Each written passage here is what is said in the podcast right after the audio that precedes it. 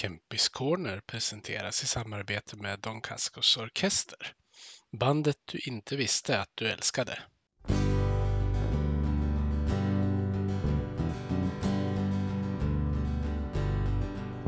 Vi hejar på Modo, röd, vit och grön. Klubben i hjärtat, en känsla så skön. Övik, ja, Övik, ja, där trivs vi bäst. Med matcher i lyan, ja, då är det fest. För vi är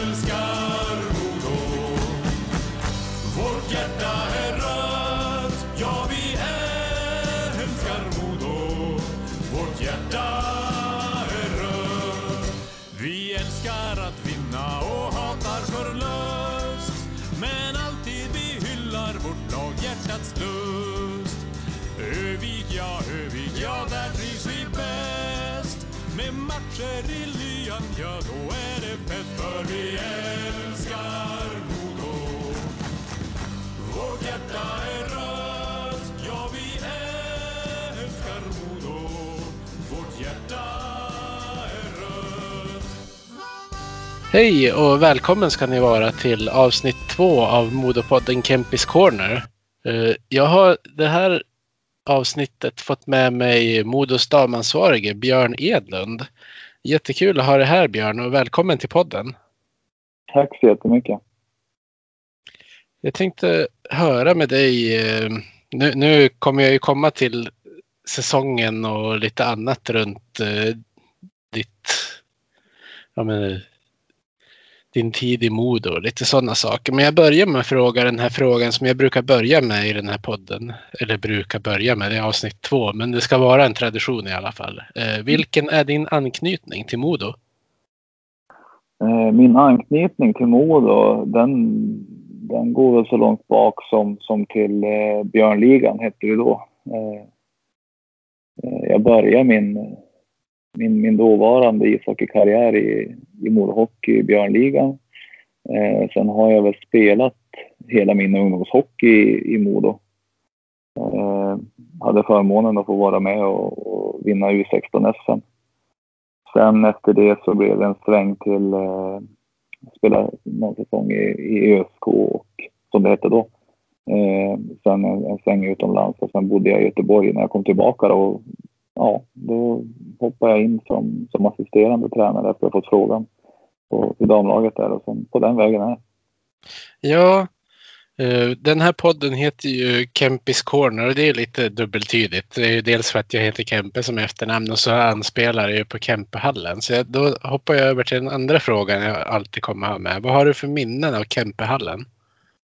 Eh, Det är ganska många faktiskt. Jag eh, både bra och dåliga, men, men eh, jag hade en, min morbror var, var med i The Reds eh, på den tiden det begav sig. Eh, så jag, jag har ju hängt ganska mycket och jag vet att jag och pappa var, var där på, ja, jag ska inte säga att vi var där på alla matcher, men, men ja, vi var där på väldigt, väldigt många matcher. Och, Eh, ibland så har man infunnit sig i klacken och ibland så har man promenerat runt och man har gjort sina varv där och man har fått, eh, jag kommer ihåg 20 kronors burgarna ute i, med oljefatsgrillarna var fantastiskt goda. Eh, ja, hade man tur i, i slutet på matchen så kunde man få med sig en, en påse popcorn hem också från popcornståndet. Eh, sen finns det ju såklart en hel del minnen som, som, eh, som etsar sig fast där. Men jag kommer ihåg att jag stod och grät den här gången när när de förklarade att Peter Forsberg skulle, skulle sluta spela Modo. Jag kunde inte förstå varför. Eh, jag kommer ihåg eh, matchen mot, mot Djurgården i, i finalen där det stod folk och hängde över kortsidan där, där domare och, och lagen gick in. Och jag tror till och med att det var, ja det, det flög grejer kors och tvärs där. Men, men det finns en hel del, eh, ja men både, både roliga och, och sorgliga minnen därifrån. Men det, Sen har jag faktiskt spelat, spelat match där själv också, både i U16 men även Modocupen. Var ju då i, i, på campus. Så att, eh, nej, det var det. Där har man hängt ut eh, en hel, en hel del faktiskt.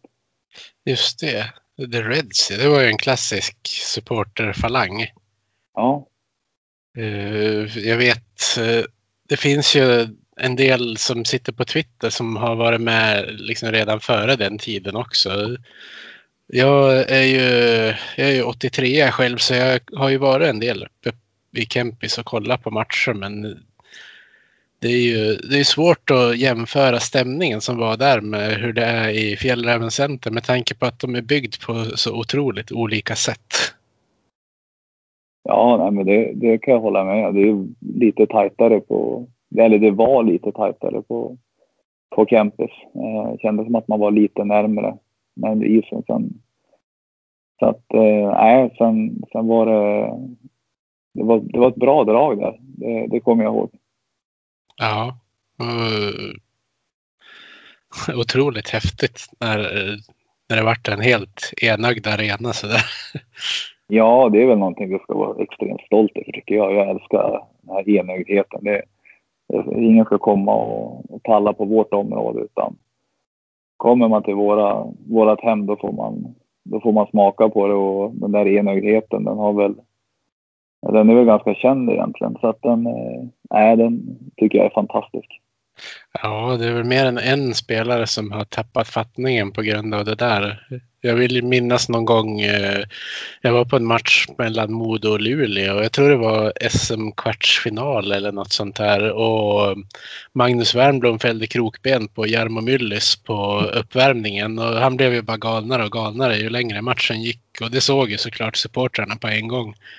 De psykade han vid varje tillfälle som gavs. Ja, ja det var det var, det var en fin, eh, fin anläggning. Det var mycket, mycket blod och tårar som har spillts där. Det var en, nej, jag är glad att få vara en del av det faktiskt. Då tänkte jag att vi ska hoppa till att du ska få berätta om din hockeykarriär. Ja, eh, det är väl inte så mycket egentligen att, att berätta om. Det inleddes i Modo Eh, som, ja, vad var man, fem, sexåring.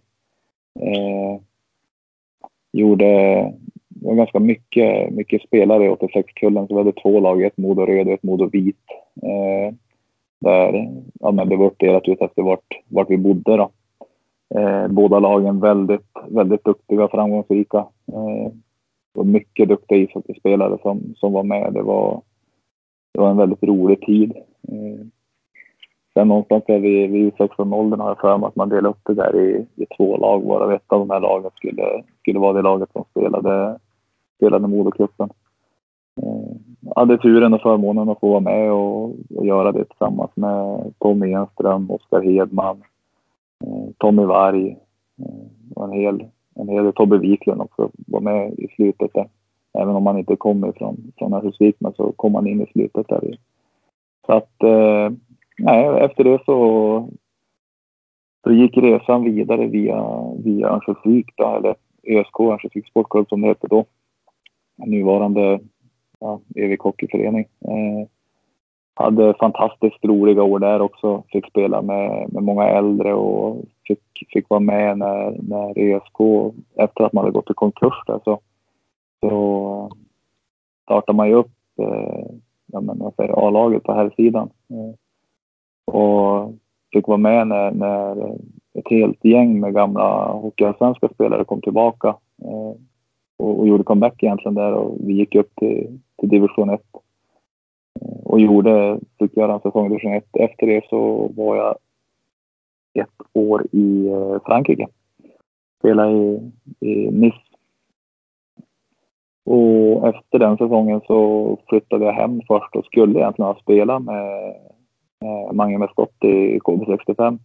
Men, men eh, ja, av några andra anledningar så, så landade jag i Göteborg och blev kvar där i, i sex år innan jag flyttade hem. Så att, eh, även, även om man inte tjänar stora pengar och, och som de här som spelar de högsta ligorna gör så, så är hockeyn fantastisk på det sättet att den kan ta dig egentligen världen runt. Eh, det är ett väldigt bra jag är väldigt tacksam över att ha haft hockeyn i och med att du väldigt snabbt får, får nya vänner när du flyttar till, till en ny stad till exempel. Jag flyttade till Göteborg och på, på två veckor så hade jag fått 25 nya kompisar. Och det, det är ganska lyxigt att få förunnat och få vara med om sådana saker. Och sen älskar jag att vara i, i grupp och i lag och jag tycker det är en fantastiskt härlig känsla. Så jag har, trots att den inte har varit ja, jätteframgångsrik så, så tycker jag att den har varit, den har gett mig väldigt mycket. Ja, det är tjusningen med lagidrott egentligen, det där som du säger. Man, Ja, är, man, man är ju all, alltid välkommen när man kommer till ett nytt ställe. Även om man råkar konkurrera med någon om en plats så är man ju inte ovänner för det. Nej, det är ju så att man behöver inte bjuda alla på bröllop i slutändan. Och, eh, jag, jag, jag har stor respekt för, för individuella idrottare som, som tränar. Eh, nu tränar de kanske grupper ibland ändå, men, men det finns en hel del som tränar, tränar mycket individuellt och mycket själv. Och det är någonting jag aldrig skulle ha klarat av. Och jag, har ett, eh, jag, menar, jag har ett stort beroende egentligen av att vara, vara en grupp när det gäller idrott. Jag jag eh, tycker om den känslan att få, få, få vinna tillsammans och få nå framgång tillsammans. Och det blir som en liten, liten familj det där. En liten, den är ganska stor, den är på, på över 20-25 personer. Så, att, eh, ska inte kalla den för liten. Det är en, det är en härlig känsla. Ja. Eh, Men hur eh, hamnade du i Frankrike då? Det, det lät som en spännande resa. Ja, eh, det var väl egentligen från, från att när jag spelade i ÖSK så eh, året innan jag åkte dit så, så tror jag att det var några andra några bekanta, några, några, eller några vänner där som Oskar Alstegren eh, hade varit över. Han hade ju spelat i Modo under hockeygymnasietiden. Eh, och sen hade väl de tillsammans med, med Johan Hedman, eh, Anton Nyberg börjat nysta i det där. Och, eh, ja, det kom väl bara av en slump egentligen. Som, de sa, jag vet att de satt och surrade lite om det där, vad jag kommer ihåg i alla fall, i slutet på säsongen. Och sen, ja men ska du inte hänga på då? Och det var så här, "Ah, ja, fan. Sen får man bara en gång i livet tänkte jag. Så att, eh, nu, nu kör vi. Eh, bära eller brista och så på den vägen var det väl. Och, ja, det var, det var väldigt annorlunda jämfört med vad det, är, vad det är hemma. Men det var ju fantastiskt roliga, roliga månader. Det kan jag tänka mig. Att testa något helt nytt sådär. Ja, ja nej, men det var... När man väl bestämde sig så, så kändes det som en självklarhet också. Att man, men roligt att testa något nytt och få, få göra det i ett land som, som Frankrike och en stadsdel som, som Nice där du ja, alltså, som, som minst hade ja, men, lägst var det 12 grader, 12 grader varmt. Eh, eh, det, var, det var häftigt. En helt annan kultur och andra, annat språk och ja, men, inte bara kulturen på, inom hockeyn utan generellt. Det var, det, man mognade av det också. Ja. Eh, Vilken typ av spelare var du?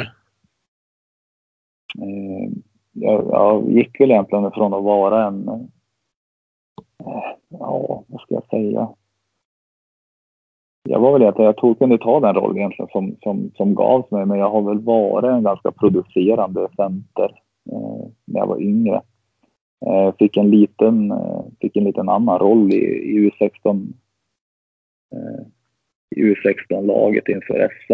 Eh, men, men trots det så, så blev det en del poäng och jag har alltid gillat att spela fram. Eh, alltså jag, jag älskar att vara center på det sättet att man fick vara en del i mitten. En, en, ja, men både, både vara med och avsluta men även vara framspelare. Det är någonting som jag tycker jag extremt kul. Sen i slutet av min karriär då jag avslutade sista fyra, fyra åren som back faktiskt. Eh, av en ren det en slump. Det var saknade en back på någon match i division 2 där i Göteborg.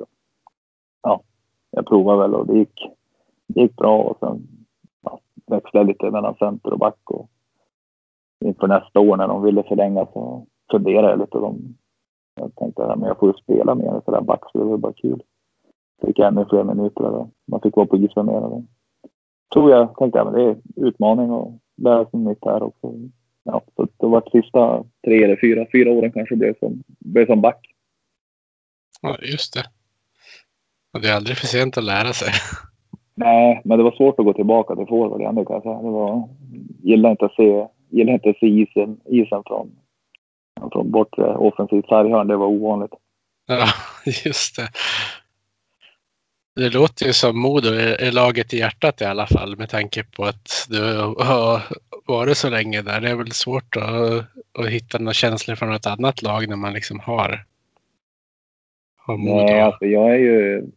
Jag har väl aldrig varit den som har gillat att hoppa runt.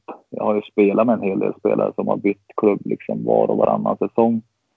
Eh, men eh, jag har någonstans jag tycker det bör finnas en, en respekt egentligen för föreningen eh, Att man, man, man verkligen försöker ge allt för att den ska, den ska lyckas och kanske inte bara slutar efter ett år för att det inte gick som man hade tänkt sig, vare sig om det är lagets prestation eller den individuella prestationen, utan ibland måste man ge det tid så att, ja, jag har väl, jag tror jag spelar Modo, ÖSK, NIF och, och Kållered som de heter i Göteborg. Det är väl de fyra föreningar som jag varit verksam i under min, min tid. Och, eh, jag har en liten del av en liten del av mitt hjärta i, i varje förening men, men jag skulle säga att 90, 95 procent av hjärtat det, det tillhör Modo. Det, det, ja, det är väl inget snack om saken egentligen. Nej. Uh, sen sadlade du om. Hur kommer det sig att du kom in på tränarbanan? Uh, ja, jag har väl alltid varit, varit intresserad av det här med ledarskap. Eh, både, både på och av isen. Men eh, ja, det var väl, hade, hade lite känningar där och, och fick, fick frågan egentligen, tror det var året innan, lite på skoj vet jag inte men ja. Av, eh, då var det Robert som Micke Nilsson var huvudtränare. Fick frågan om jag skulle ville hoppa på men jag var väl inte riktigt klar med, med, med Göteborg och mig själv. Och sa att nej, jag kommer att bo kvar i Göteborg. Och sen, sen blev det så att jag flyttade hem eh, sommaren därefter och eh, ja, då, då fanns frågan kvar om jag ville vara assisterande tränare. Och jag vet att man hade bytt tränare rätt mycket under den perioden.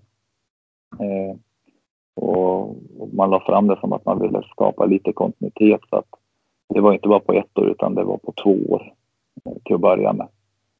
Och ja, någonstans så själv så såg jag mig själv. Jag skulle bli som Chris Chelios. Jag skulle spela hockey tills jag var 48-50. Ja. Men, men i och med att den här uh, chansen då dök upp så, så kände jag att jag får nog ingen bättre möjlighet att och börja, börja min ledar, ledarkarriär i och med att jag fick, jag fick komma till klubben som, som betyder mest för mig. Eh, och sen fick jag göra det med, eller i ett lag som, som tillhör eliten av eh, jag, jag, har stor respekt för, för de, som, de som har gått den långa vägen och varit ungdomsledare. Eh, det lär man sig extremt mycket av.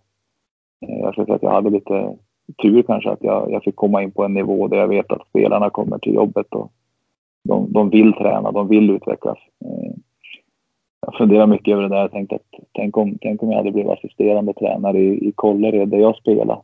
Eh, det hade inte alls varit samma, samma, jag hade inte alls haft samma drivkraft i det, för jag vet ju liksom vilken typ av men, spelarna där, det, man kan, Fransson som tog ledigt en en onsdag för att, för att kolla på Melodifestivalen genrep och det var som någonstans lite halv, halvaccepterat.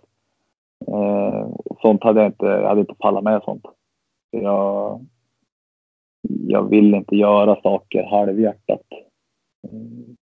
Så att då fick jag en fantastisk möjlighet att hoppa in i, i Modos damlag där jag visste att det fanns, fanns väldigt mycket ambitiösa idrottare och ja, jag, jag har inte haft fel i alla fall. Så det, var, det var en grym start på, på tränar, tränarbanan.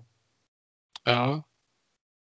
Eh, sen, hur, hur, länge var du assisterande tränare in, innan du fick eh, jobbet som huvudtränare? Eh, fyra år. Ska vi se om jag ska tänka. Nej, tre år faktiskt. Jag var, jag var två år med, med Micke Nilsson eh, och sen ett år med Jens Öhman. Hur, hur mycket tycker du att du har, har lärt dig av, av den här tiden? Eh, väldigt mycket. Eh, någonstans så fanns det en ambition att jag, jag ville utvecklas. Eh, så är jag väl lite grann som person oavsett veteran. Eh, jag vill inte bara ja, jag vill inte bara vara en... Du kan komma dit och flytta puckarna också i, ja, men i, i nio månader.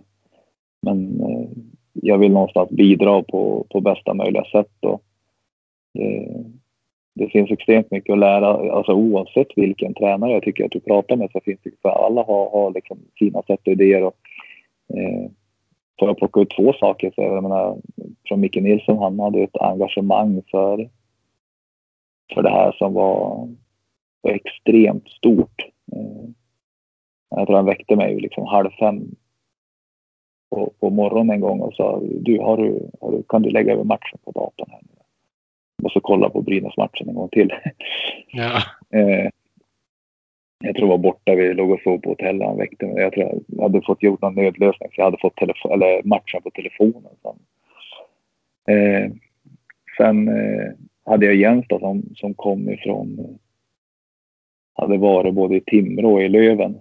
Eh, och hade ju också ett väldigt bra ledarskap. Jag tycker han var, där lärde jag mig extremt mycket också på is, alltså isträningen. Eh, hur ja, men, förberedelser inför och under. Och, eh, nej, så det var...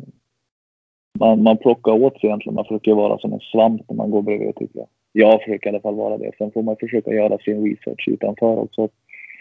Ja, det, det finns väldigt mycket information och, och hitta där ute om man, om man söker den. Det är diskussioner, det är, ibland är det symposium och det kan vara att du letar på internet och ibland så är det bara konversationer med, med andra tränare eller, eller spelare framför allt. Så att man får försöka vara väldigt lyhörd. Ja. Eh, hur, hur gick det till när du fick jobbet som huvudtränare? Då? Eh, oj, nu måste jag komma ihåg det till mig. Eh, Eh, jag vet att Jens fick väl den rollen. Eh, eller han fick inte den rollen, men han hade någon, någon liknande roll där han var han hade lite mer ansvar och eh, under den här perioden sen så vet jag att jag hade varit föräldraledig. Och sen hade jag, Gick jag arbetslös, så jag gick egentligen som arbetssökande i, det var ett par månader. Sen, ja, jag vet att eh, jag fick höra via någon väg ifall jag pratade med någon om det var, jag kommer inte ihåg nu ifall det var Jens som sa att de skulle eventuellt ha liksom en, den här rollen kvar. Eh, och sen blev jag uppringd egentligen och, och tillfrågad av, av Modo då, om, om jag var intresserad. Och, ja, sen på den vägen. På den vägen är det. Ja. Eh, hur tycker du att damhockeyn i Modo har utvecklats sedan du tog över? Oj. Eh, sen jag tog över. Jag tycker den generellt har, eller den har överlag har den utvecklats något extremt bara sen, om jag säger sen jag kom in. Eh, på, på sättet den, eh, ja, men, vi har idag eh, en, en ny liga med SDHL. Eh, vi har, eller en ny liga, men det finns, det finns en liga bakom istället för att det, det är riksserien som det var då, men det finns ett, ett starkare varumärke. Det mediala uppmärksamheten är ju helt otrolig. Jag kommer ihåg att i början av när jag var assisterande så, så började, då drev jag också Modo Hockey. Då hette vi Modo Hockey Dam. Eh, Eh, vi hade en egen Facebook-sida, en egen Twitter, ett eget Twitterkonto, Instagram och eh, och sen hade jag en laget.se-sida så att jag vet att jag ville att det här skulle vara levande så jag skrev rätt mycket själv, eh, matchreferat. Gjorde lite mm. intervjuer eh, och skrev på den där laget.se-sidan. Sen, sen drev jag även Twitterkontot. Jag tror det var Instagramkontot där, det var, det var någon spelare som, som körde det. Men, och sen pumpa på med den här Facebook-sidan.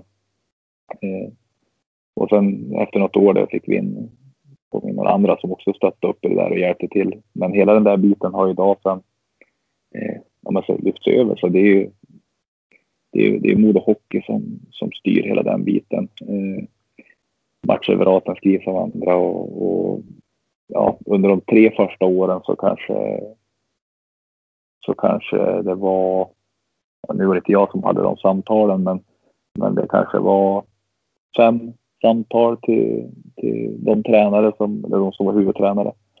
Och ja, det, de samtalen gör det väl idag kanske på, ja, på två veckor ifall det, ifall det är media.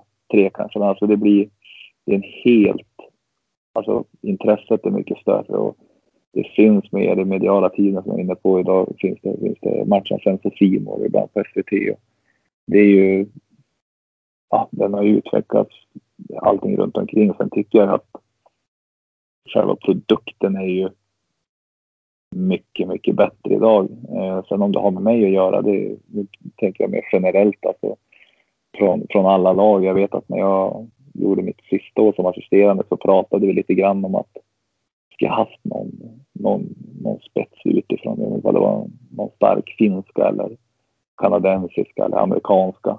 Eh, och fram till egentligen, ja, det, det tog väldigt, det var väl slut där de sista åren, men, men det var väldigt ovanligt att spelare bytte lag. Alltså. Eh, framförallt svenska spelare. Det var, det var, var väl egentligen bara några år, ja, kanske året innan jag blev, blev ansvarig alltså som, som har bytt av någon annan anledning, att man hade fått ett jobb eller att du skulle börja plugga någonstans. Eh, där har det ju hänt extremt mycket från att spelare egentligen spelade på samma ställe tills man, tills man av eller tills man började plugga eller tills det var något annat. Det var ju väldigt sällan du bytte för att du, du ville gå till en annan klubb. Eh, men, men där har det ju kommit in fler spelare utifrån. Eh, det, det är fler, fler föreningar som kan erbjuda bra, bra faciliteter och bra förutsättningar för spelare. Både, både ekonomiskt och eh, ja, men, runt omkring med träningstider och lösningar till boenden och, och träningsmiljöer och eh, så vidare. Så att det har ju hänt extremt mycket där. Och eh, ligan är ju, jag vet inte ifall det är en av de bästa ligorna i, i världen. Eh, du har väl, du har ju college, de bästa college-lagen är ju, är ju riktigt bra. Sen har du ju eh, ja, nu har de ju gjort en hopslagare. De var väl ner Canadian Women Hockey League, men National Women Hockey League finns fortfarande kvar, men den är ju inte... Den kan, jag ska inte säga att den är lika vass som den var för ett par år sedan eftersom att de har, de har tappat de flesta spelarna till det spelarfacksligan. Så att, nej, den, den har ju tagit enorma steg. Eh, jag tycker ju kvaliteten på, på våra träningar är högre också. Så att, eh, den har tagit stora steg. Ja. Eh, hur tror du man kan ta nästa steg i utvecklingen? Pratar vi generellt eller pratar vi i mode hockey eller? Ja, du kan om du tänker, du svarade ju generellt nu, men jag tänker om, ja. om du försöker svara för båda, om det, om det går att, att få ner det på något sätt. Eh, jag tror att det är en, en jättestor fråga, men, men eh, det, det, ofta så, så kommer det till det här med resurser. Eh, det handlar inte alltid om, om, om spelarlöner. Eh, men, men jag tror att en del handlar om resurser. Man, idag så, så är det vissa föreningar som har, man har minst två heltidsanställda som, som jobbar inom i damlaget. Eh, och där, bara där så frigör du eller har du extremt mycket tid på, på personer som kan jobba med, med utvecklingen av spelarna. Eh, sen, eh, sen tycker jag att den här mediala biten kan bli betydligt bättre. Och då kommer väl många att vifta med ja, men vi skriver om det som intressant-kortet. Mm. Och det får man väl ha respekt för, men någonstans så är jag rätt säker på att man kan. Man har också, man har också möjligheten att styra vad man, vad man tycker är intressant och ibland kan jag väl tycka att det, där kan man väl göra ett bättre jobb. Eh, ja, för man, för, precis, för jag tänkte på det nu när du säger det där att man om man försöker att skapa det där intresset från, från första början, då finns det ju mycket större chans att det är folk som vill läsa det sen. Ja, eh, jag vet inte om man säger så här. Bara för skojs skull så. Hur, hur många läste om eh, 10 000 meter skridsko för, för en och en halv månad sedan? Men sen när vi fick veta att eh, Sverige har en Nils van der Poel som, som går och blir världsmästare. Eh, då, då finns det, då när man börjar skriva, då finns det ett intresse för det. Jag tror att man kan styra det där lite grann. Eh, tycker det är, ärligt talat tycker jag faktiskt att det är lite tråkigt att man eh, när, när det gäller när det gäller herrar så skriver man väldigt mycket om matcher. Man skriver väldigt mycket om vad som händer, om det är någon spelare som har gjort alltså, det en skada eller man, det, man bygger upp intresset eh, på ett annat sätt eh, alltså, från media. Eh, kommer han att spela i, i derby eller ödesmatchen? Medan eh, damhockey tycker jag man gör en, en björntjänst egentligen där man eh, kanske väljer ibland de här grejerna som ja, men ta till exempel nu när vi vart anmälda till vi vart ju anmälda från, från ishockeyförbundet för att vi hade kramat för mycket, stod det. Ja. Det handlar väl egentligen om att vi har kramats för mycket utan det finns, ett, finns en, eh, en paragraf där egentligen, eller någonting som säger att vi ska, vi ska hålla avstånd. Eh, men jag tycker man förlöjligar det lite genom att, att använda sig av de uttrycken. Sen kanske man tycker att det är roligt när man väl skriver. Men, men jag har inte pratat med media så mycket som jag gjorde kring den där incidenten. Eh, vid någon annan incident. Vi vinner mot Brynäs borta, gör en fantastisk upphämtning och vinner med, med 6-5 på, på, på förlängning. Eh, eh, sen har vi ja, men hemmamatchen mot HV. Eh, stark HV som vi slår med 6-3. Tycker vi är två fantastiskt bra matcher, men vi vinner en av dem. Eh, då pratar man lite med, med, med lokal media kanske. Men i det här fallet när, när vi har, ja men inom situation, vi har kramat för mycket då, då ringer Dagens Nyheter och P4 ska ha intervjuer. Man ska vara live i radio. Och någonstans så, ja, det är den äger man själv, men jag blir lite så här, ja, om ni inte har förmågan, om ni inte har lust att ringa efter vi har slagit Brynäs borta så behöver ni inte ringa nu heller. Eh, tyvärr, det, det är kanske tråkigt och det låter lite oödmjukt att säga, men jag tycker att jag tycker media kan, kan göra det betydligt bättre och jag vet att man kommer att om man, om man väl börjar skriva om det på ett annat sätt så kommer man att få med sig det kommer att bli intressant. Jag, menar, jag träffar folk eh, dagligen alltså, nästan, säga, som, som, som pratar om våra matcher. Eh, intresset har blivit mycket större och den, den vågen, jag tycker man ska våga hoppa på det som är i media. Ja. ja, för man måste ju börja någonstans och skapa intresset innan man avfärdar det. I alla fall, enligt min, mitt tycke. Ja. Ja, det, du kan väl gå in på de två största nyhetssajterna vi har. Sen då går in och kollar under STH-fliken. Ja. Och ja, jag skulle ju... Jag, jag, tror inte ens att det, det är ett, ett inlägg per, per omgång. Du har säkert rätt. Ja. så att, eh, nej men det tycker jag definitivt. Eh, eh, att, att är de med på banan så, så kan vi tillsammans bygga ett Eh, bygga upp eller synliggöra produkten på ett annat sätt.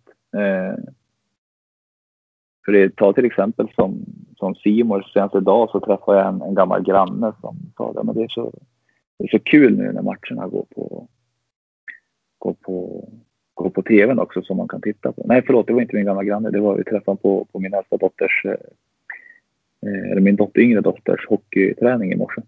Och han sa det att fantastiskt kul att matcherna går på, går på tv nu också så, så vi kan se dem och framförallt hon. Eh, han har själv en dotter. Och då sitter de och tittar och det är nu kanske inte hon läser tidningen men, men det kommer hon väl göra om ett tag och det är det där att finns man så finns man. Ja, då finns det ju större chans också att eh, både tjejer och killar kan få kvinnliga hockeyspelare som idoler också. Inte bara herrarna eftersom det är de som syns mest. Ja, nej men precis. Det, eh, jag vet inte hur många föreningar som, som har skickat fem spelare på, på, på ett OS samma år. Eh, det gjorde ju vi i damlaget, eller i Modos, eller i Modos eh, damlag hade fem stycken som, som var med och representerade Sverige i OS 2018 tror jag. Ja. Det är alltså fem spelare ur samma, samma klubb som åker på. Det, finns, det är inget annat lag i, nästan som, som har den, den andelen spelare. Eh, det är ju fantastiskt. Ja. Det. Det, det tycker jag är betydligt mycket mer intressant och där kan man ju verkligen skapa, men, ta vara på det och skapa den. Eh, så. Men där kan vi ha möjlighet att skapa de förebilderna. Ja, precis. Om vi ska flytta fokus till årets säsong, hur skulle du vilja sammanfatta den? Eh, utvecklande. Eh, för att vara väldigt kort. Nej, men den har varit från, från mitt perspektiv. Eh, nu kan jag även tala för, för en hel del av spelarna också. Men, men jag, den har varit väldigt rolig. Eh, jag som ledare är väl egentligen Ja, jag älskar det här med, med, individuell utveckling. Att, att få spelare att utvecklas individuellt men sedan se ett resultat då i, i, i grupp. Eh, för det är någonstans ett lag vi är och det spelar egentligen ingen roll hur bra det är om det inte funkar i, i gruppen. Men, men att se spelare utvecklas individuellt och sen ta steg och sen göra laget bättre eh, är någonting som jag verkligen, verkligen går igång på. Det, det har vi verkligen sett, sett i år hur vi har, vi har vuxit som, som lag. Eh, nu jämför man ju oftast med, med sin senaste resultat om man jämför med fjolåret. Då. Eh, där vi har mognat. Många spelare har tagit kliv i deras utveckling och eh, man har blivit smartare hockeyspelare, bättre ishockeyspelare och vi har, eh, vi har haft en bättre träningsmiljö. Vi har haft, trots de här ja, men, corona förhållningsreglerna, så har vi, så har vi liksom drivit på träningen så att vi, vi har utvecklats både av isen men, men framförallt på isen i sättet vi, vi attackerar träningen och hur vi tränar. Och det har ju synts i, i matchen också hur vi flyttar puck bättre och skapar mer. Och vi har, vi har fått till ett, ett roligt anfallsspel och så att nej, den har varit väldigt, väldigt rolig ur, ur om man ser ur det perspektivet att det har varit en väldigt stor utveckling på, på väldigt många spelare och på även laget i helhet. Ja, det är väl lätt att glömma ibland, men ni har ju haft väldigt många unga spelare också. Ja, jag tror vi har väl en 9-10 stycken som är född på, på 2000-talet och eh, det var de förra året också. Det, ja. Bara där är, har ju alla de spelare blivit, blivit ett år äldre. Och det märks verkligen. Även om de är väldigt unga fortfarande och eh, det finns fortfarande, de är ju, det finns ju så extremt mycket för dem att utveckla trots att de är så bra redan. Det är, det är sjukt häftigt bara det. Men eh, vi har haft ett väldigt ungt lag och det har väl varit en, eh, en tanke också där man vill försöka ge möjligheterna till, till de här yngre spelarna att, att, att utvecklas och ja, vi, vi har ju vårt, vårt hockeygymnasium som ska vara själva stammen i, i, i laget. Ja, det var ju faktiskt min nästa fråga. Om, om du har någonting att säga till om när det gäller de som tas in på hockeygymnasiet? Ja, det, det slutgiltiga ligger inte hos mig utan det ligger hos, hos Robert som är ansvarig på skolan. Men men jag har ju varit med under de här tryouterna ett par år. Eh, I år så gjorde vi väl en, en lite mer omfattad eh, tryout där vi, ja, på grund av hur det, lite hur det såg ut också, men, men vi gjorde kanske en, ett större jobb kring, kring det hela. Eh, där vi, ja men sen diskuterar vi väldigt ja, men, sinsemellan och, och fattar väl besluten ja, men, relativt eller hyfsat, hyfsat eh, gemensamt. Men sen har ju Robert sista, sista ordet om det skulle vara så. Men så har det inte varit. Men de, skolan om man säger så har gjort ett fantastiskt jobb eh, under en väldigt lång, lång, lång period med att eh, få hit ambitiösa, ambitiösa spelare eller ambitiösa personer egentligen som, som vill utvecklas och som lyckas driva på det bra. Så att där har de gjort ett extremt bra jobb. Eh, men jag, jag är med där också. Eh, när vi har de här tryouterna. Jag håller i en del av tryouterna och ibland så är jag med och någon annan som håller i dem. Så jag är med där i alla fall. Ja. Eh, hur, hur fungerar eh, rekryteringen och om ni ska scouta spelare till damlaget? Eh, är det du som tar hand om det eller har ni någon organisation som hjälps åt? Mm, nej, det, det är väl egentligen jag som har, som har gjort det de här senaste åren. Sen, sen är det klart att jag kan, jag kan ställa frågan ibland till, till någon i närheten om, det, om, de, om de vet någonting. Men annars så är det ju... Jag, jag sitter och tänker efter här så jag inte glömmer bort dem. Men, men eh, nej, det, det är jag som, som letar fram spelarna och, och även eh, tar reda på kontaktvägar och, inleder kontakten. Och, ja, egentligen från, från att man, man skickar röksignalerna där till att man skriver pappret. Ja, Eh, då är nästa fråga. Ni har ju värvat en del eh, spelare från Nordamerika. Hur går det till med scouting och förhandling då? Eh, ja, det är väl egentligen på, på samma sätt som det gör med en, en svensk spelare. Men kortfattat så, så gäller det väl att, att hitta de, de spelare man tycker är intressant utifrån ja, vad man kanske söker för spelartyp. Sen, eh, sen har jag vissa verktyg där jag kan ja, få fram en, en hel del information, både video och statistik. Eh, och då är det inte, det är inte Elite Prospect utan det finns en hel, det finns en andra en del andra verktyg också. Sen finns det vissa sådana här eh, videoprogram som, som vi använder. Så annars så, så är det ju att ställa, man får, man får försöka jaga kontaktuppgifter. Eh, det där kan det ju gå allt emellan. Du, du hör av dig till tränare via college. Du, du söker upp dem på, på Facebook om det vore så, eller LinkedIn eller eh, sociala medier till och med. Eh, sen, eh, sen, sen påbörjar väl den, ja, får man, får man kontakt och kan börja en dialog då får man ju berätta lite vad, vilka vi är och vad vi står för och vad vi, vad vi önskar och planen med spelarna. Och sen, ja, rullar det väl på. Ibland så blir det ett ja, ibland blir det ett nej. Mm. Uh, när ni pratar med, nu tänker jag inte bara nordamerikanska spelare utan överlag. Uh, känns det som att Modo är ett känt uh, varumärke? Mm. Jo, men det skulle jag vilja säga. Det eh, många, många som kommer hit också via hockeyn har ju hört väldigt gott om vår hockey.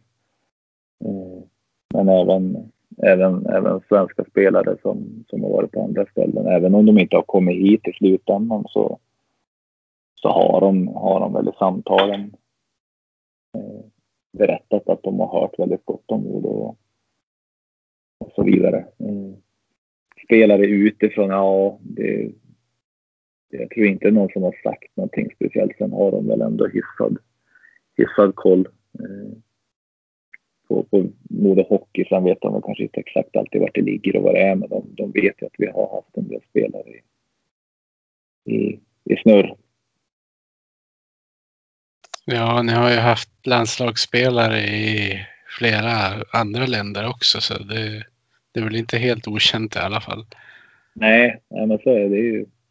Det blir lite ringar på vattnet där också. Det, det, ofta är det väl så att du, du hör av dig till exempel när vi fick in, in Klara Peslarova och sen året efter då tror jag att det trillade in en sju, åtta tjeckiska ja, men, spelare som, som ville komma. Det, det är väl ett tecken på att de som är här trivs. Ja. Det är ju jättebra betyg. Ja. Ja, annars hade de nog inte hört av sig. Nej. Nej, det är skittråkigt här. Det är värdelöst. Kom inte hit. Nej, men vi har skickat mejl ändå. ja, precis. Ett om du ska försöka, det, det, här är säkert en jättesvår fråga, men om du ska säga vilken som är din mest lyckade värvning? Den är svår, men, men vi har väl egentligen en spelare som har, som har levererat extremt mycket poäng. Nu är hon inte kvar hos oss, men det är Mikaela Käva. Eh, som, eh, som kom hit och egentligen visade, amen, hon visade exakt vad hon, amen, vad hon, hon gav oss precis det vi hade sett. Eh, och hon har ju gjort det i, i Modo i, i två säsonger i Brynäs och nu även i, i Luleå. Sen är det tråkigt att hon inte har spelat i Modo de här fyra åren, men sånt är livet. Eh, så att det är väl egentligen kanske den som har levererat bäst. Ja. Eh, jag koll... är som har levererat också. Om man sätter poäng. Ja. Eh, jag, jag, koll, jag, kollade ju på er sista match mot Luleå och då sa de ju att ni är ju de enda som har lyckats få henne poänglös av isen. Dessutom vid två tillfällen. Ja, vi får väl säga att det finns något så här gentleman's agreement där att vi får inte göra mål på Modo. nej, det finns det väl inte, men eh, nej, men det är väl. Det är, det är väl två stycken som som sticker ut. Sen är det alltid roligt när, när svenska spelare väljer att komma hit. Eh, och, så att det, det är väldigt roligt det också tycker jag. Ja.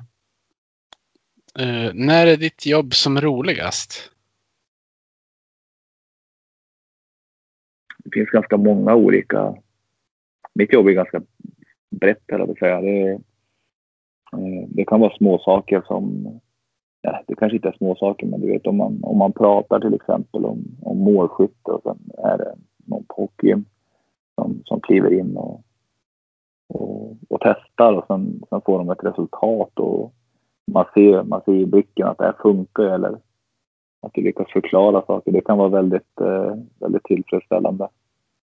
Eh, sen är det ju alltid sportchefsrollen, det, det är det roligaste egentligen. Och, och ha den här dialogen med spelare och du vet när du får, när du får tillbaka kontrakt påskrivet och det är klart. Det är ju också en, en väldigt, väldigt skön känsla. Eh, för det är som sagt ingenting är ju klart innan det, innan det är påskrivet och tillbaka skickat. Eh, det har man ju lärt sig också. Men eh, nej, sen är ju det låter kanske lite tråkigt, men du vet när man får, får vara på is och sen är det en riktigt, riktigt bra träning. Eh, det är fantastiskt härligt. Man vill inte kliva av utan det är bra tempo, det är bra driv, det är bra snack och det är bra passningar. Det är mycket mål och det, det, det är en hög alltså en energinivå på träningen. Det, det, det är ett jäkla bra injektion. Sen är det ju ja, men, framgång, alltså, eller framgång, men, men sportslig framgång också, resultat. Eh, att vinna. Jag älskar att vinna. Men ja. Jag älskar även utveckling, men, men man, man håller ju inte på med det här om man inte älskar att vinna och det är klart att att vinna är extremt roligt. Ja visst, det är svårt det att svara något annat. Olika, ja, det finns en hel del olika kan vara när, när lägenheten är färdigmöblerad också. Då, då är man glad. Mm. Uh, jag frågade ju förut vad du hade lärt dig. Uh, men jag tänkte fråga vad har du lärt dig under din tid som huvudtränare? Uh, ja men det är ju den är, det är så mycket du lär dig varje, varje dag. Och, men, men framför allt hur mycket information och kommunikation betyder. Eh, det lär jag mig fortfarande än idag. Eh, man kan aldrig, tror jag, informera och kommunicera eh, för mycket emellanåt. Eh, men, men också just, just hur, man, hur man skapar relationer till, till laget och, och bygger bra relationer.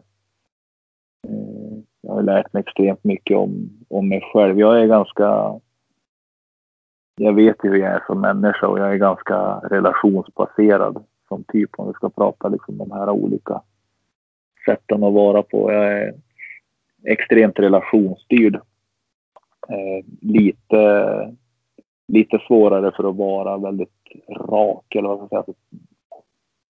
Ja, jag har inte svårt för det. Det är någonting jag har fått träna med att vara egentligen. Men, men det tar mer energi för mig att vara eh, vara, vara väldigt eh, vara irriterad eller vara eh, ja, resultatbaserad. Det, det tar lite mer energi av mig. Så det är någonting jag har lärt mig extremt mycket, framförallt de här två sista åren, just med, med hålla nivå på träningar.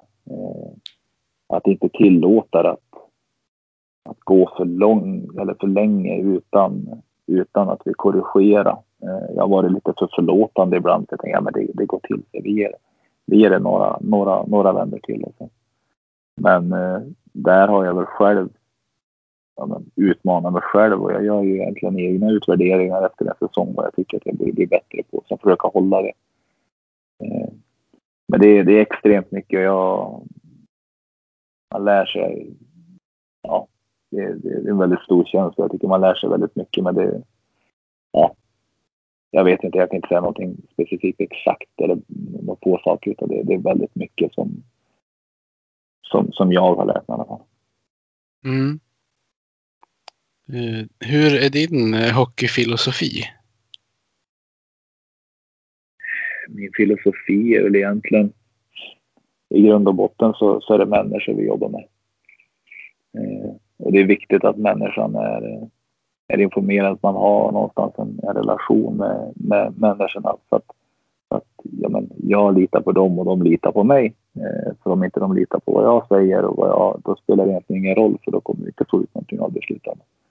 Eh, jag vill till exempel att de ska lita på mig, att när jag säger att om vi gör så här så kommer det bli på det här sättet så, så tror de på det. Så att det är viktigt för mig att någonstans ha en...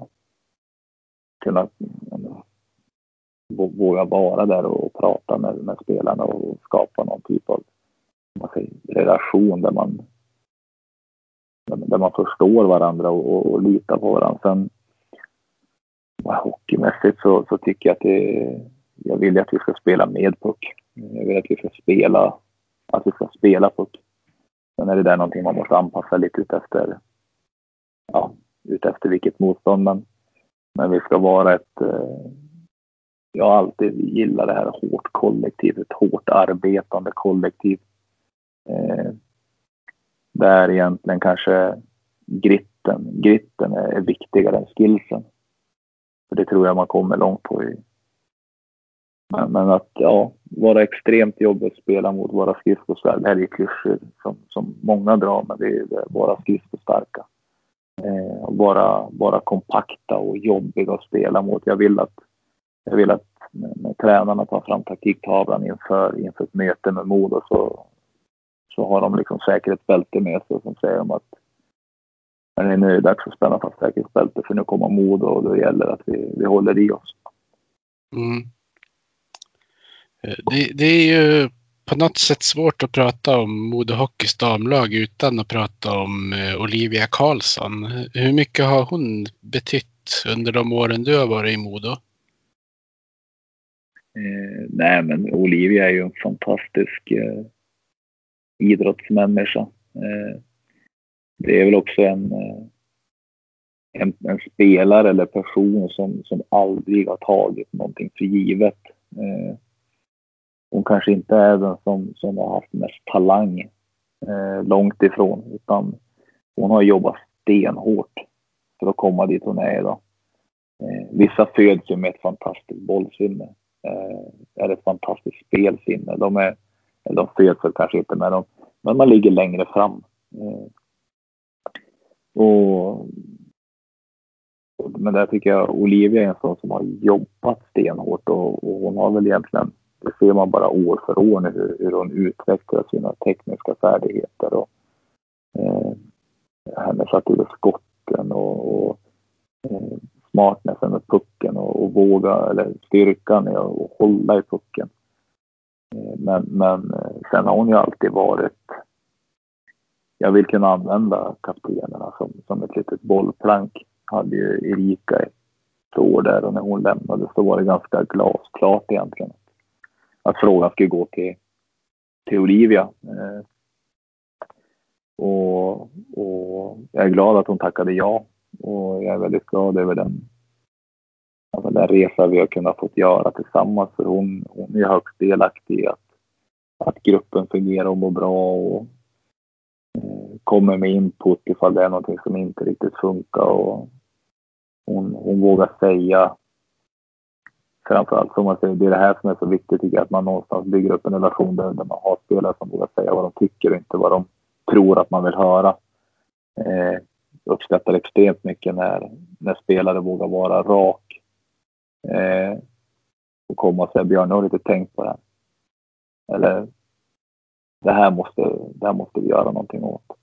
Att man inte bara går och ja, stryker runt utan att man, man tar ansvar själv för att, för att vi ska utvecklas som lag. Och det, där har hon, det har hon tagit en stor, eller var en stor del i.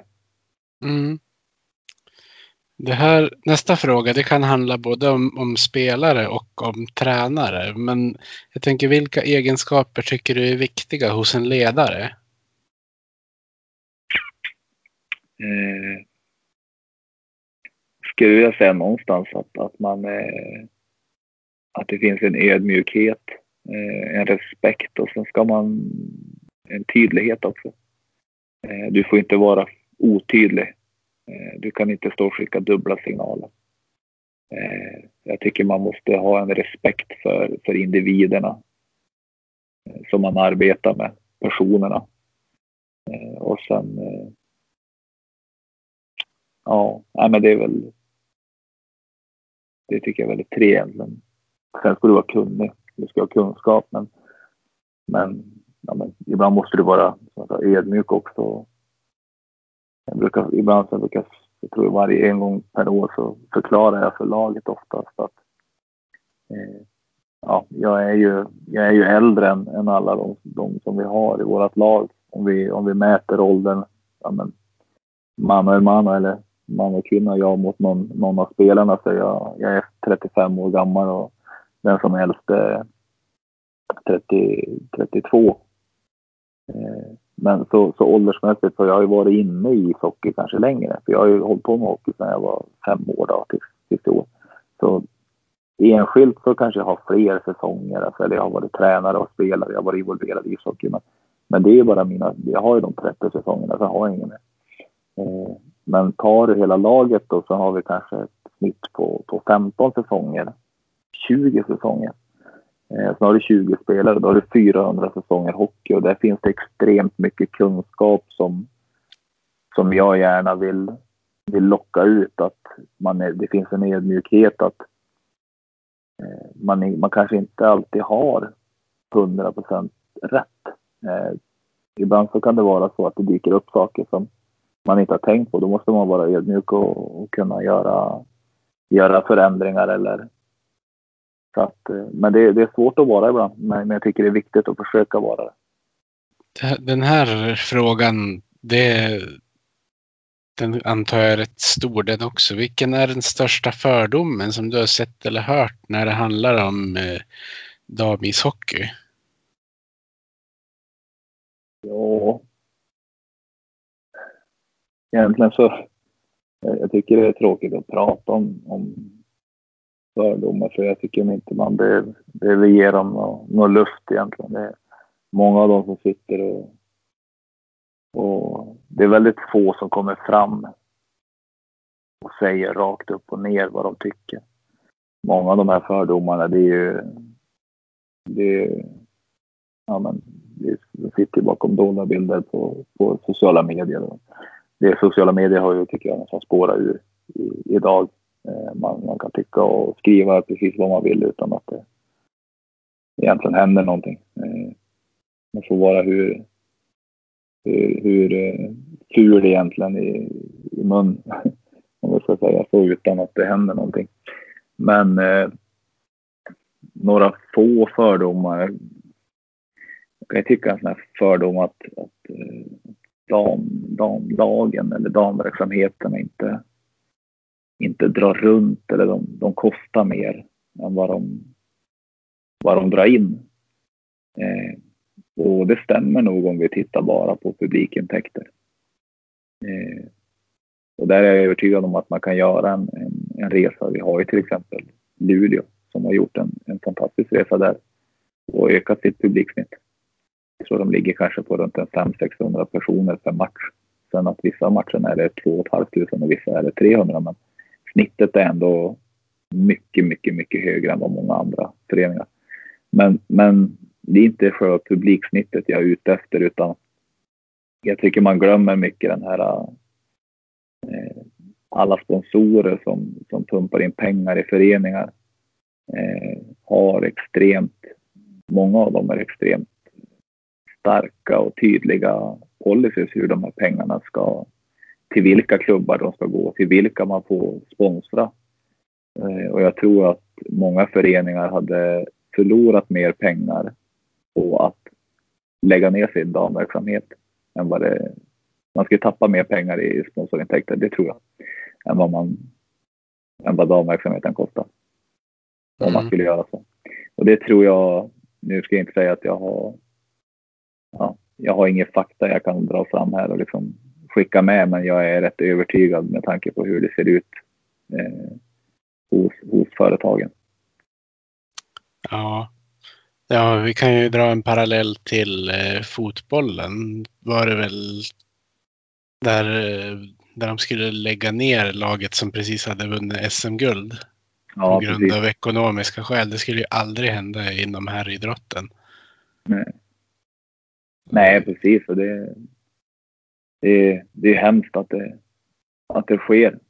Så att, eh, sen tycker jag också att, eh, att det här att damhockey skulle vi, eller damhockey, jag brukar säga hockey för damer om jag ska vara extra eller tydlig. Men, mm. Eh, det här med att man ska, man måste ha visir för att vad fan har vi visir med, med saken att göra? Det spelar ingen roll. Då tittar man inte på William Strömgren då när han stänker in två stycken när han slår, skjuter ja, powerplay-målet mot, mot Löven igår.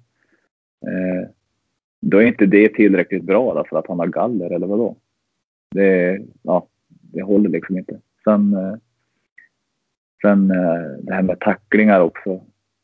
Eh, jag, är lite less på den här jämförelsen med, mellan, mellan herrhockey om man ska uttrycka så, damhockey. Det finns, det finns väldigt få som jämför, alltså att man jämför andra idrotter.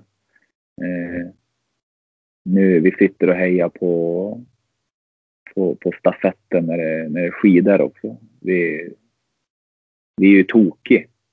Men det är ingen som, som, som säger att de skulle åka ja, men de åker ändå 15 procent långsammare än vad herrarna ska göra på en stafett. Så att det är inget bra. Det är ingen som gör det. Eh, det är ingen som, skulle jag säga att vi inte har, ja, men vi har inte haft några framgångsrika simmare de senaste tio åren. Så skulle folk, ja men, de skulle fråga om jag var tokig, vadå Sara Sjöström? Ja, men det, det jämför vi inte vi jämför inte henne med, med Lars Frölander var som bäst.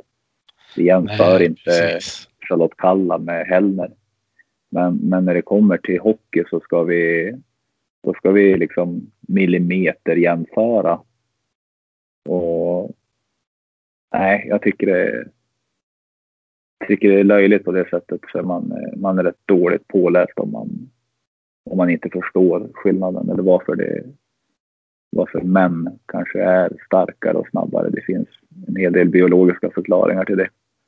Så att, eh, nej, ja, det där tycker jag är just det där med, med visir och tacklingar och, och, att man kanske inte tränar hårt eller att man inte är vältränad. Det, jag tycker vi har en hel, en hel drös med, med individer som är extremt tränade. Sen kan vi bli bättre tränade, men det kan nog det kan nog alla i, i herrlaget eller i, ja, i Djurgårdens herrlag också bli. Om vi ska bara ta några. Alla kan bli bättre tränade. Ja visst. Men sen tror jag flera av de här punkterna du pekar på är det ju säkert personer som aldrig har sett en dammatch i sitt liv som sitter och tycker. Eh, bara, för, ja. bara för att de kan. Ja, och ja, ibland borde det ju vara körkort på att tycka kan man, kan man tycka, men så är det inte. Nej.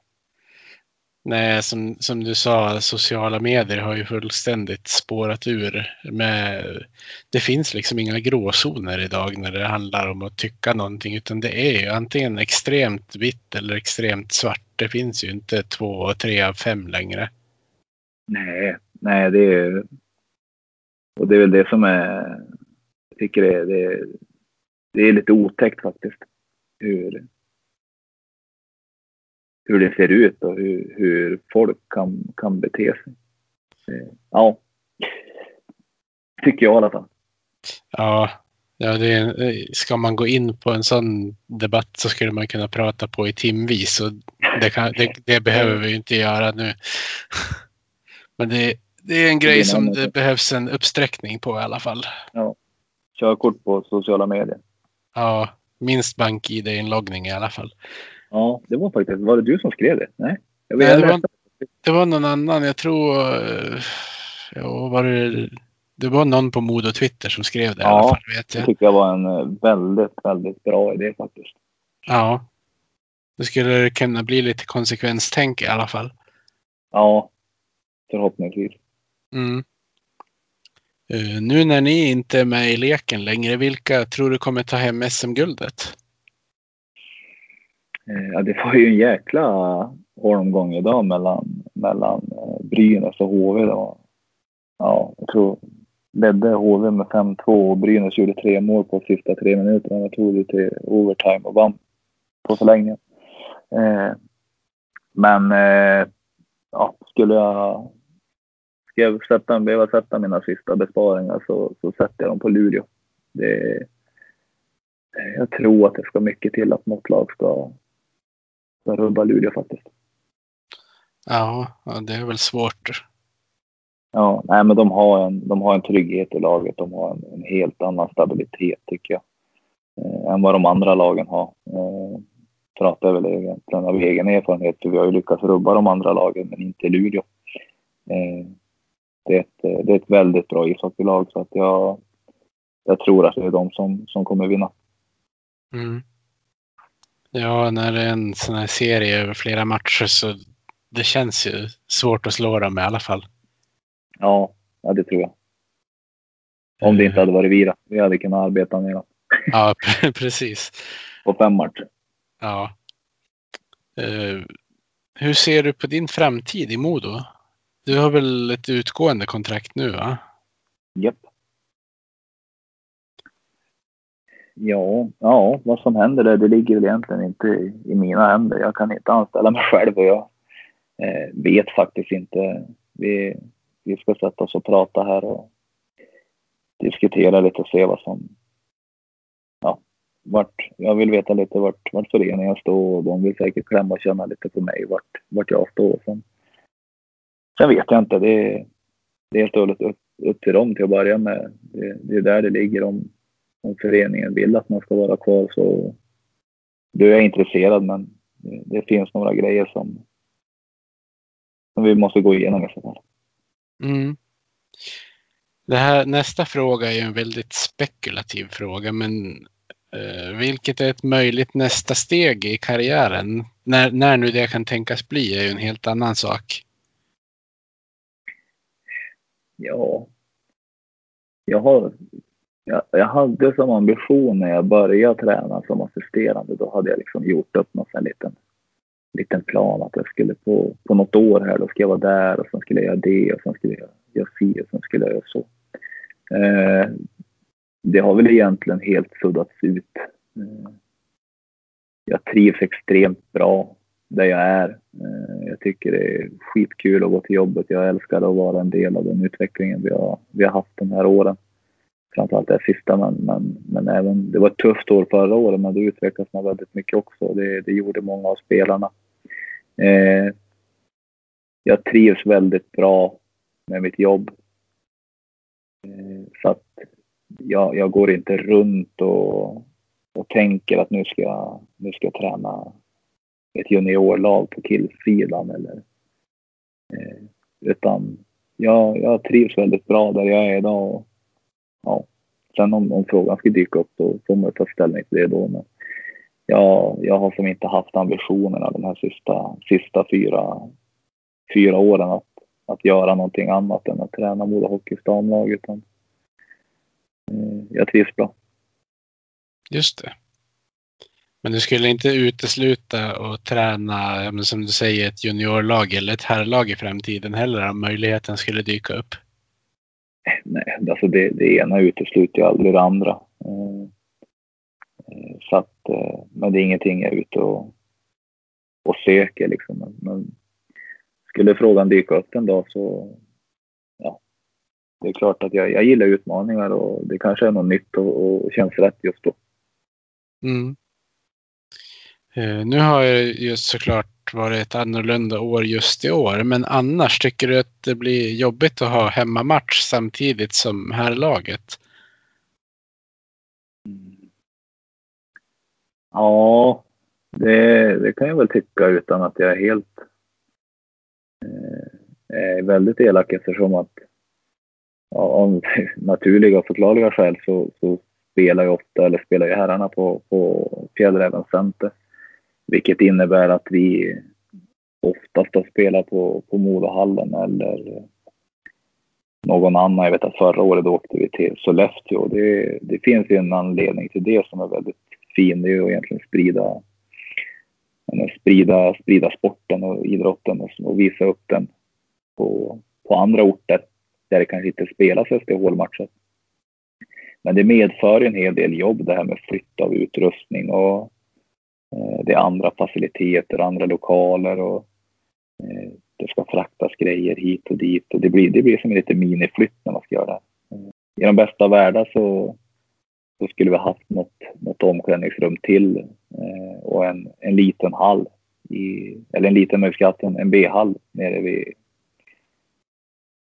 vid Fjällräven Center. Och, för då, då finns ju möjligheten att värma upp och, och gå på is relativt snabbt skulle vi, skulle vi spela på, på Fjällräven idag, då, är det, då ska matchen först sluta och sen är det uppvärmning och sen är det paus och sen ska de dra igång. Och det, är, det är minst en timma bort från att, från att eh, herrarnas match har blåst av och då, då tror jag att det blir svårt att behålla publik. Men kan du få publiken och en ny match startar 20 minuter efter, då, då kan du bygga ihop något bra av det. Ja, det skulle vara lite andra förutsättningar då. Ja.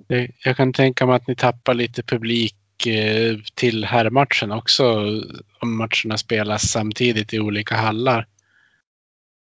Jo, men det har vi säkert gjort också. Eh, det är säkert, det, ja, jag har inga siffror så framför mig, men jag kan tänka mig att det blir ju bara det här att att den är på ett annat ställe. Många kanske promenerar ner till fjällen. Eh, eller så, äh, men jag åker om det är på Fjällräven, men jag åker inte om den är på Modahallen. Sen finns det de som bor nära Modahallen och kanske går dit, men inte går på, på de matcherna på Fjällräven. Men jag tror att vi, ja, går man in och tittar så tror jag att det är färre, färre åskådare på matcherna i Modahallen. Ja, det är inte omöjligt. Nej, det, det tror jag faktiskt. Sen tänkte jag avsluta med ett par eh, fanfrågor som har dykt upp på Facebook. Ja. Eh, en fråga är, är Selin Tedenby en möjlig drömvärvning inför nästa säsong? Mm. Nu måste jag tänka, inte inför nästa år va, men kanske ännu nästa år. Om jag inte är helt ute och cykla. Hon ska väl göra fyra år på college först. Så kan det vara. Ja, men eh, måste jag bara tänka att. Eh, jag tror att hon gör sitt tredje år i år. Ja. Men eh, oavsett, oavsett när så är ju, så är ju Celine Tedenby en spelare som, som eh, är högaktuell egentligen den, den dag hon, hon inte kommer att vara kvar i, i, i USA. Det är ju, Celine har ju vissa egenskaper som, som är i topp egentligen i, i Sverige. Så att, den, den dagen hon eh, inte ska vara kvar på andra sidan så, så är det självklart tror jag att jag i alla fall kommer att ställa frågan vad hon ska göra. Mm. Sen är det en, eh, en Jon Häggqvist som frågar vem är din favoritlokaljournalist? Eh, min favoritlokala journalist. Den som ringer. Ja, Den som hör av sig. Den tycker jag om. Så att, eh, för att svara på din fråga Jon, så om du ringer mer än, än Pelle så ligger du bättre till. ja. Han blir säkert nöjd med svaret. Sen, sen har Per Hägglund frågat vem som är den disträaste lokaljournalisten. Eh, ja, den som inte hör av sig, skulle jag säga. Vi vänder på det då. Nej, Ja. det, jag, eh, jag tycker om både, både Pelle och Jon. Jag tycker de är, de är lätt, eh, lätt att ha att göra med, men de får gärna höra av sig lite mer. Ja, Kanske inte till mig hela tiden, utan till, till andra. Men det, de har ju ett jobb att sköta vid sidan om där också. Så att, eh, sen ska det lagas mat, det ska skottas snö och det ska komma så ihåg saker och inte glömmas bilnycklar. Ja, jag vet inte vad de håller på med. Men, ja men eh, de får gärna höra av sig lite mer. De har mitt nummer. precis. Nej, men eh, då, då får jag tacka dig Björn för att du ville vara med i podden. Ja, men tack så jättemycket för att jag fick vara med. Och så tack till alla som har lyssnat. Och tack för frågorna som jag har fått in. Och så får vi se vem jag får in som gäst nästa gång. Tack och hej.